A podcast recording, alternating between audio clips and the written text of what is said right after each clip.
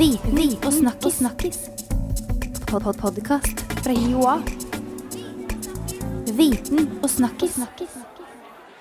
Velkommen til en ny episode av podkasten Viten pluss snakkes. Jeg heter Halvard Lavoll, og i dag har jeg med meg en flunkende ny eh, medprogramleder. Eh, Velkommen, eh, Elise Koppang Frøyd. Takk. Er du klar for å være programleder? Ja, veldig klar. Ja. Eh, vi må jo introdusere deg litt ordentlig, siden det er første, første gang du er her. Eh, du, du er kommunikasjonsrådgiver på noe som heter Senter for profesjonsstudier. Men i dag har du med deg eh, en, en gjest som aldri har vært her før. Skal du Ja. introdusere henne? Ja, det er Tale Skjølsvik, som faktisk ikke jobber ved Senter for profesjonsstudier. Men som er her fordi eh, vi har et samarbeid om å arrangere en konferanse 14.12. Mhm. Velkommen, Tale. Tusen takk. Hvorfor, eh, hvorfor er du her? Hva du gjør Ja. på senteret der? Hvis du ikke er der? Kan du svare på det? jeg bare har ramla inn døren. Nei, jeg, eh, vi har en utrolig spennende konferanse vi holder på å arrangere 14.12. som går på digitalisering og hvordan digitalisering påvirker profesjoner. Og det er noe av det jeg jobber med i forskningen min. Mhm. Ja. Og du er da ved et senter for Det er ikke noe senter. Nei. Jeg er på TKD.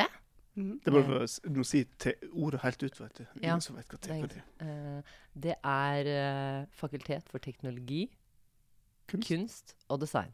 Ja. Yes. Og jeg jobber på avdeling for informasjonsteknologi, men jeg er ikke Jeg har ikke noe teknisk bakgrunn. Og mm, jeg kommer, jeg har en doktorgrad fra BI, og nå har jeg blitt veldig interessert i digitalisering i advokatbransjen, faktisk. Ehm, jeg har jobba lenge med å prøve å forstå det som vi kaller for profesjonelle tjenestebedrifter. Så det har jo noen profesjoner å gjøre. Så sånn Mhm. sett så kunne jeg kanskje vært på Senter for profesjonsstudier. Um, og nå så ser vi at det kommer noen tekniske løsninger inn som kanskje påvirker disse profesjonelle tjenestebedriftene. Og det kan være advokatkontorer, konsulentfirmaer, rådgivende ingeniørfirmaer. Men du, når du sier digitalisering Ja. Nå har vi hørt mye om digitalisering den siste Ja, tiden. og det, jeg må bare si noe i forhold til det. Så for tre år siden tror jeg en venn av meg som jobber som leder i Telenor, kom og sa til meg ja, nå er det blitt så veldig populært med digitalisering i Telenor. Og da måtte jeg le litt. Ikke sant? Digitalisering har vi ikke holdt med det nå i 10-15 år, jeg vet ikke, helt sikkert lenger enn det også. Kanskje 20 år. Mm. Um, men det er litt ny måte vi tenker på digitalisering på. Så lenge så har man på en måte tenkt på at man skulle flytte det som er analog, så skulle ha papiret og putte det inn i noen digital form som du kunne bruke til noe. Uh, og det er det faktisk, Jeg har vært på en del sånne, sånne big data-konferanser, og sånn, og er det, det er jo et problem ennå at veldig mange organisasjoner har fortsatt veldig dårlige liksom, digitale data som man kan bruke til noe. Men det som har skjedd nå, er at vi har fått veldig mye bedre datakraft. Vi har fått bedre sånn, uh, samhandlingsmulighet gjennom forskjellige typer av nettverk. og at vi har liksom bedre? Vi vet på mobilen. Vi har plutselig noe som vi kaller for 4G, og vi til og med 5G kanskje, eller hva. Vi kan overføre data. Og så har vi den datakraften, og så i tillegg så har vi liksom veldig store mengder data. Så de tre tingene sammen gjør at vi kan gjøre veldig mange andre ting med data enn det vi kunne gjøre før. Det er min, selvfølgelig. Og husk da at jeg er ikke teknolog. Sånn at, eh, så det gjør at dette påvirker organisasjoner på en veldig annen måte. Og det påvirker yrkesgrupper, og det påvirker profesjoner på veldig andre måter. Og så har vi fått bl.a. kunstig intelligens, som gjør at vi kan jobbe med disse dataene på en annen måte. Som gjør at vi kan, eh, hvis vi gjør det riktig, kanskje gjøre for det første lette arbeidet for en del profesjonelle og kunnskapsarbeidere. Men også gjøre kanskje noe av det vi gjør i dag. En del analyser og sånt noe. Man har eksempler fra kreftområdet hvor man bruker Watson, som høyskolen har et samarbeid med. Så vi får vel eh, snakke litt om IBM også. Eh, hvor- man kan bruke det som de kan eh, gjøre når det gjelder å analysere f.eks. forskning som gjøres på kreft, og gi det mye raskere til legene, som da kan bruke det i å stille diagnoser og foreslå behandling osv. Så, videre. så det er, liksom, det er litt mer av den digitaliseringen som vi tenker på i dag, da. Så digitalisering er mer enn at legen legger journalene digitalt? Ja. Ja. Så det som vi er opptatt av digitalisering nå, i hvert fall sånn som jeg tenker på det, det er hva det innebærer for mennesker, for organisasjoner. eh, og for egentlig samfunnet. Og vi ser liksom det er veldig mange som snakker om disse dommedagsprofetiene om at maskinene tar over. Andre er sånn de kommer til å være støtt i arbeidet vårt gjøre det lettere for oss. Og det er mange som har veldig forskjellige meninger. Og et viktig poeng der er at det er ingen som vet. Det er ingen som vet hva utfallet blir, og det viktigste er at vi begynner med å få kunnskap, sånn at vi begynner med å øke den kompetansen vi har og forståelsen vi har, sånn at vi kan ta gode beslutninger for hvordan vi har lyst til at samfunnet skal bli framover. Og det er det viktig at egentlig alle gjør, Mhm. spesielt de som jobber innenfor profesjonene, tenker jeg. Mhm. På hvilken måte da? Altså, er det viktig å beskytte egen profesjon, tenker du? Det er jo noe som profesjonen har vært veldig gode på, da. Mm. Å beskytte egen profesjon. Og det har jo vært kjempeviktig, så jeg har jo også studert litt sånn sosiologi innenfor profesjoner og sånn. Og det med på en måte hvilken juridiksjon du har. Veldig vanskelig ord det der egentlig å si sånn på podkast. Men eh, hvilket område du på en måte eier som profesjon, er veldig, nei, veldig viktig. Eh, og at man har hatt, hatt det sånn at det er forskjellige yrkesgrupper som eier forskjellige kunnskapsområder. Det er viktig for utvikling, og at man har et sånt uh, Hva kan man si? Community? Hva kan det være på norsk? Et, uh, Fellesskap. Et fellesskap, ja, som Mm. jobber med det. Uh, men framover så blir dette kanskje litt annerledes, for noe av det som dette krever, er mye mer samarbeid på tvers. Kompetanse på tvers. Så det akkurat rollen til profesjoner framover er faktisk veldig spennende. Hvordan skal profesjoner forholde seg til internasjonale teknologiselskaper som ønsker å ta en rolle inn i forskjellige profesjoner, som legeprofesjonen, advokatprofesjonen osv. osv. Mm. Og hva med f.eks. brukeren eller pasienten? Ja, ikke sant. Og det er i det nye Det som også knytter seg mye til digitalisering, er dette med at det viktigste vi gjør, er å løse samfunnsproblemer eh, rundt oss. Og det har jo man innenfor profesjoner vært veldig opptatt av. Å løse eh, problemer som er innenfor det kunnskapsområdet en profesjon har. Men, eh, men framover så kan det hende at dette krever masse tverrfaglig kompetanse. Vi vet sånn som på Ahus, når det gjelder mm, innenfor legeprofesjonen, liksom, så har man nå begynt å sette sammen svære tverrfaglige team av masse forskjellige kompetanser. Da må det også være teknologer, og det må være kanskje andre folk med annen type kompetanse, som forstår kunden, ikke kunden, fordi jeg kommer jo fra VI, så jeg skal være forsiktig, brukeren, eh, eh, pasienten på en annen måte, eh, og er opptatt av problemet som den pasienten har. Få litt flere eksempel her. Du, nå var du litt inne på medisin, leger der. Eh, Ja. Men du har studert uh, Jurister. jurister. Ja. Hvordan påvirker denne digitaliseringen? Hvordan kan det hjelpe juristene? Ja, der er det jo Det var, det var et veldig sånn kort og godt spørsmål når man har forska på det her. Eh, det kan hjelpe juristene på mange måter. Det er når det gjelder eh, samhandling, så er det faktisk for det tradisjonelle advokatkontoret så er det flere og flere Eller vi har sett en oppblomstring av selskaper i utlandet hvor de, kontoret forsvinner. Sånn at man samhandler som eksperter mer virtuelt på tvers av nettverk. Og det gjør at man kan ta eh, At det kan være mye billigere. Og det gjør at sånn som i USA, at veldig mange flere kan få tilgang til advokattjenester. Advokattjenester er veldig viktig i det amerikanske samfunnet når det gjelder å få beskyttelse, eh, liksom vite at din sak bør behandla riktig. Og det er av de som ønsker å bruke advokattjenester, så er det noen som sier at det er omtrent 20% av de i USA som burde ha tilgang til advokattjenester, har det. Så der blir en veldig skjevfordeling. Og det gjør at rettighetene til veldig mange i USA da ikke blir ivaretatt. Og det er en samfunnsoppgave også. Så bare gjennom sånn nettverksmodell så kan man få liksom lavere priser, sånn at flere får tilgang til det. Og da trenger ikke å være noe veldig spesiell teknologi, men det kan være en spesiell måte og lur måte å bruke teknologien på. Det har vi sett mye at det dreier seg ofte ikke om hvor avansert teknologien er. Jeg har vært og hørt på en del foredrag av IBM. De sier teknologien er her allerede. Det er bare hvordan vi vil ta i bruk den teknologien som gjør at vi kan løse andre samfunnsoppgaver eller uh, samfunnsoppdrag. Og det er mange andre måter. Det er kunstig intelligens i kontraktsgjennomganger. Det er mange forskjellige teknologier. Og det er litt interessant nå. Det er det som er kanskje litt forskjell med digitaliseringen nå. Det er at mange teknologier kommer samtidig. Vi har liksom kunstig intelligens, vi har det som jeg har snakket om, store data. Vi har noe som vi kaller for blockchain, som er en måte å løse kontrakter på hvor man ikke trenger en mellommann eller mellomperson. Så det er masse teknologier som kommer forskjellige, og det er mange måter å kombinere den teknologien på og ta det i bruk. Da. Det er liksom det som er nøkkelen. Ja. Men når du sier at kontorene forsvinner Mm. Fordi man ser fort for seg liksom advokatkontorer med store bilder på veggen, Mm. store luftige kontorer ofte Mm. plassert i litt uh, finere deler av byen. Mm. Hvor sitter disse da, hvis de ikke har kontor? Um, jeg må bare si, så det er sånn at disse advokatkontorene kommer til å fortsette å eksistere, akkurat som store organisasjoner sikkert kommer til å fortsette å eksistere. Så jeg vil ikke si at alle forsvinner, men Mm. man ser at i, I USA bl.a. så er det veldig store krav i forhold til, em, til liksom kravet til individet på arbeidsplassen, som gjør at det blir for store krav. Man får ikke tid til å ha en familie ved siden av. Jeg tror vi ser det i Norge blant leger f.eks. når vi har en stor debatt rundt det. Som gjør at de ønsker ikke å være i disse miljøene med så store krav. Og da ønsker man på en måte å starte en sånn virtuell organisasjon og slutte det store selskapet og starte et sånt nettverkstype. Og da sitter de hjemme, kanskje. Mm. De kan sitte på en kafé, de kan sitte på Noen av de leier kontorfellesskap, så du kan gå på jobben hvis du vil, men du trenger ikke. Fordi hovedpoenget er at de skal løse problemene, de skal løse de juridiske oppgavene. Og de er egentlig ikke avhengig av liksom, Det er en tradisjonell eh, måte å tenke på det. Det har jo vært lenge at man har prøvd å myke opp i kontorstrukturer og sånn. Men hovedfokuset blir da på å løse oppgaven. Og man prøver da å Og så er det mange som sier ok, hvordan, hva skjer da med kunnskapsutvikling internt i disse selskapene? For i mange sånne Det er jo i Norge så har vi en Legene er utdanna, men de skal inn i sykehuset og utvikle kompetansen. Sånn er det innenfor mange andre profesjoner. Og masse av utviklingen skjer i de organisasjonene. Så hvordan skal vi ivareta det i samfunnet hvis vi får en oppmykning av sånne organisasjonsstrukturer? For de har masse andre oppgaver også.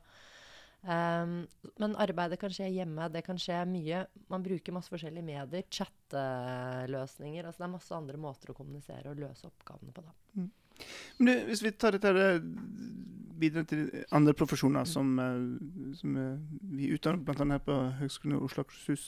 Altså sykepleiere, Mm. lærere. Mm. Dette er profesjoner som eh, ikke kan de, de skal ut og møte Mm. elevene og, og pasientene, så disse her kan ikke sitte rundt i nettverk. Nei. Hvordan kan eh, digitalisering eh, hva vil dig- dig- digitalisering påvirke deg? der? Uh, ok, og det har vi egentlig innenfor Så når vi har jobba med advokat, så er det mye sånn i forhold til ikke sant, tilstedeværelse, fysisk tilstedeværelse. Det er en stor del i mange av disse profesjonene også. Eh, leger eh, jeg- tenker på sykepleiere, lærere osv. Um, andre omsorgsarbeidere.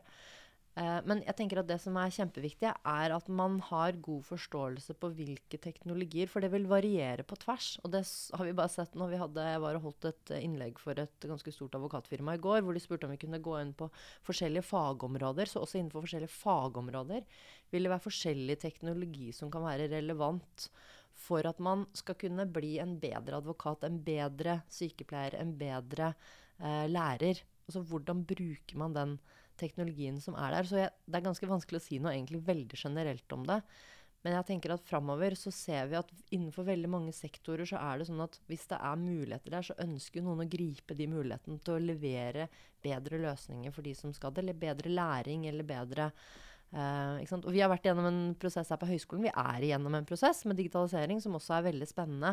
Hvordan skal vi over våre studenter lage det best mulige opp, beste opplæringsopplegget. Og da var jeg litt eh, involvert i strategiprosessen vi hadde. Og da hadde jo noen av disse konsulentselskapene levert løsninger hvor det var elever som var alene hele dagen i en sånn, um, en sånn liksom, Hva er det man kaller hologramverden, ikke sant? Eh, Eh, og så kan man tenke ok, det er godt på noen områder, men det er dårlig på mange andre områder. Så det å tenke helhet i forhold til hva, blir, hva, er, hva er det viktigste i forhold til det problemet du skal løse, det er det første som kommer. Og så tenker jeg at digitalisering er ikke, er ikke noe som er, Målet er ikke digitalisering. Det er kjempeviktig. Målet er ikke digitalisering. Jeg var hos eh, Difi på, mm, på mandag, nå på mandag. Og da vi, eller da var det et dialogmøte med, med ledere i offentlig sektor. Og da hadde Difi på en måte satt opp noe hvor en viktig liksom, gr grunnformål var selve digitaliseringen. Men det er en støtte til å kunne løse problemet på en bedre måte. De som, altså Du snakket om altså, at det liksom blir en polarisering. Det blir liksom dommedagsprofeti på den ene siden. Jobber kommer til å forsvinne. Eh, datamaskinen, eller teknologien, settes liksom opp imot mennesket. Og så Mm. på den andre siden så tegner det opp et bilde av eh, hvilke muligheter som ligger der. Og har du noen eksempler på sånne muligheter, f.eks. i utdanning? Altså, hva hvis det kommer da eh, dataer og maskiner som kan lese eller har eh, full oversikt over diagnoser, sånn som leger i dag sitter og må pugge og lære seg? Mm. Altså, hvordan vil det se ut fremover? Mm. Det er utrolig interessant, og det tror jeg ikke noen har ett svar på ennå. Hvis jeg hadde hatt det svaret, så føler jeg liksom OK. Hadde du ikke sittet her? Nei, jeg vet ikke. Um, nei, men det som er kjempeviktig, og det har vi og det er det sikkert mange andre innenfor mange andre profesjoner. Så ikke sant, jusstudiet det er bygget opp med at du skal liksom kunne deg, pugge deg gjennom liksom alle lovene, alle lovområdene. Jeg er liksom har førsteavdeling så jeg kan bitte litt, men jeg kan ikke sånn su supermye om det. Men du skal i hvert fall du skal på en måte kunne alle tingene. Og spørsmålet er jo framover, etter hvert som det blir mer og mer komplekst, skal man innenfor hvert fagområde kunne alle tingene, eller må man ha evnen til å benytte seg av den kunnskapen som ligger der? Og det er et ganske sånn vanskelig dilemma, tenker jeg. Og der må man, der må man tenke mye. Altså hva hver profesjon skal være god på. Kanskje det skal være noen som er veldig enda mer spesialister enn det vi har i dag. Og så er det enda flere folk som bygger broer. Uh, og i går var jeg ute og traff en del forskjellige eh, folk som sitter som leder rundt organisasjoner. Og den kompetansen på å bygge bro, det er én type kompetanse. Og det har vi diskusjon her på høyskolen også når vi skal lage doktorgradsprogrammer. Skal vi bli bedre til å bygge broer mellom kompetanseområder, eller skal vi bli bedre til å gå i dybden i kompetanseområder? Og der, er det, der må vi gjøre oss opp en mening, for jeg tror det å prøve å gjøre begge deler, det er ganske vanskelig. Mm. Så kanskje vi får helt andre inndelinger av profesjoner. Vi ser i utlandet på en måte folk med teknologibakgrunn som også kan juss. Uh, så vi har noen av de, men vi, så har vi noen som er kjempegode på juss, og noen som er kjempegode på sykepleie, kjempegode i le, lege, altså medisinske fag. Mm. At vi må ha bare litt an, annen type sammensetning av folk, tror jeg, for å kunne løse de oppgavene fremover på en annen måte, og en bedre måte. Mm. Hva, hva, med utdanning? Altså når vi utdanner mm. disse framtidens profesjonsutøvere, som det mm. heter så fint, er det noe spesielt vi må passe på nå at vi lærer de, eller at studentene sjøl må passe på ja, å lære seg? Eh, en annen rolle jeg har, er å uh, ha alle Eller jeg prøver å bevege meg bort fra begrepet forelese. For jeg syns det er veldig enveis. Sånn, har sånn, prøver med begrepet undervisningsmøte, f.eks. Sånn. Så jeg har mange undervisningsmøter med uh, ingeniørstudentene her ved høyskolen. Um, så faget mitt er uh, teknologiledelse, og jeg er fagansvarlig i det, det faget. Og det som overrasker meg litt, det er at det viktigste man gjør, er å følge med på det som skjer rundt seg. For man kan kunne masse ting, men man må også skjønne når det man kan, er utdatert. Og det er det aller vanskeligste. Det er å la kunnskap man har, slippe fri, og ikke på en måte være kjernen av det man driver med. Så det å faktisk følge med rundt seg, se hva som skjer, se disse dialogene som er i media mellom Elon Musk og sjefen i Facebook, kan ikke dere hjelpe meg, Mark Zuckerberg. Eh, det tror jeg er viktig å ha bare som en sånn bakteppe, så man, man, følger litt med også, så man, man, skjønner litt mer av konteksten. For det tror jeg faktisk blir viktigere og viktigere framover. Og det å kanskje gi studentene mer av det, mer av den forståelsen av hvilken kontekst denne profesjonen går inn i, det har jeg ganske stor tro på. Uh, for jeg er litt overrasket over hvor lite oppdatert mange av studentene egentlig er. Og hvor lite de følger med. Noen er kjempeoppdaterte, men det å liksom være villig til å forstå det vi lærer nå, det kommer ikke til å være relevant, men jeg må lære meg å lære. Og det kommer til å gå raskere og raskere hele tiden. Men Tale, hvorfor er dette så aktuelt akkurat nå? For jeg vet du har snakket om at det er viktig at vi setter oss inn i hva digitalisering innebærer, og at vi må ta noen veloverveide valg. Eh, etiske valg også, har jeg forstått. Ja. Uh, der er det, det, er mange, jeg det er mange svar. Det var litt jeg snakket om i stad. Det er mange teknologier som konvergerer samtidig, og som kommer til å påvirke hverandre og oss på forskjellige måter.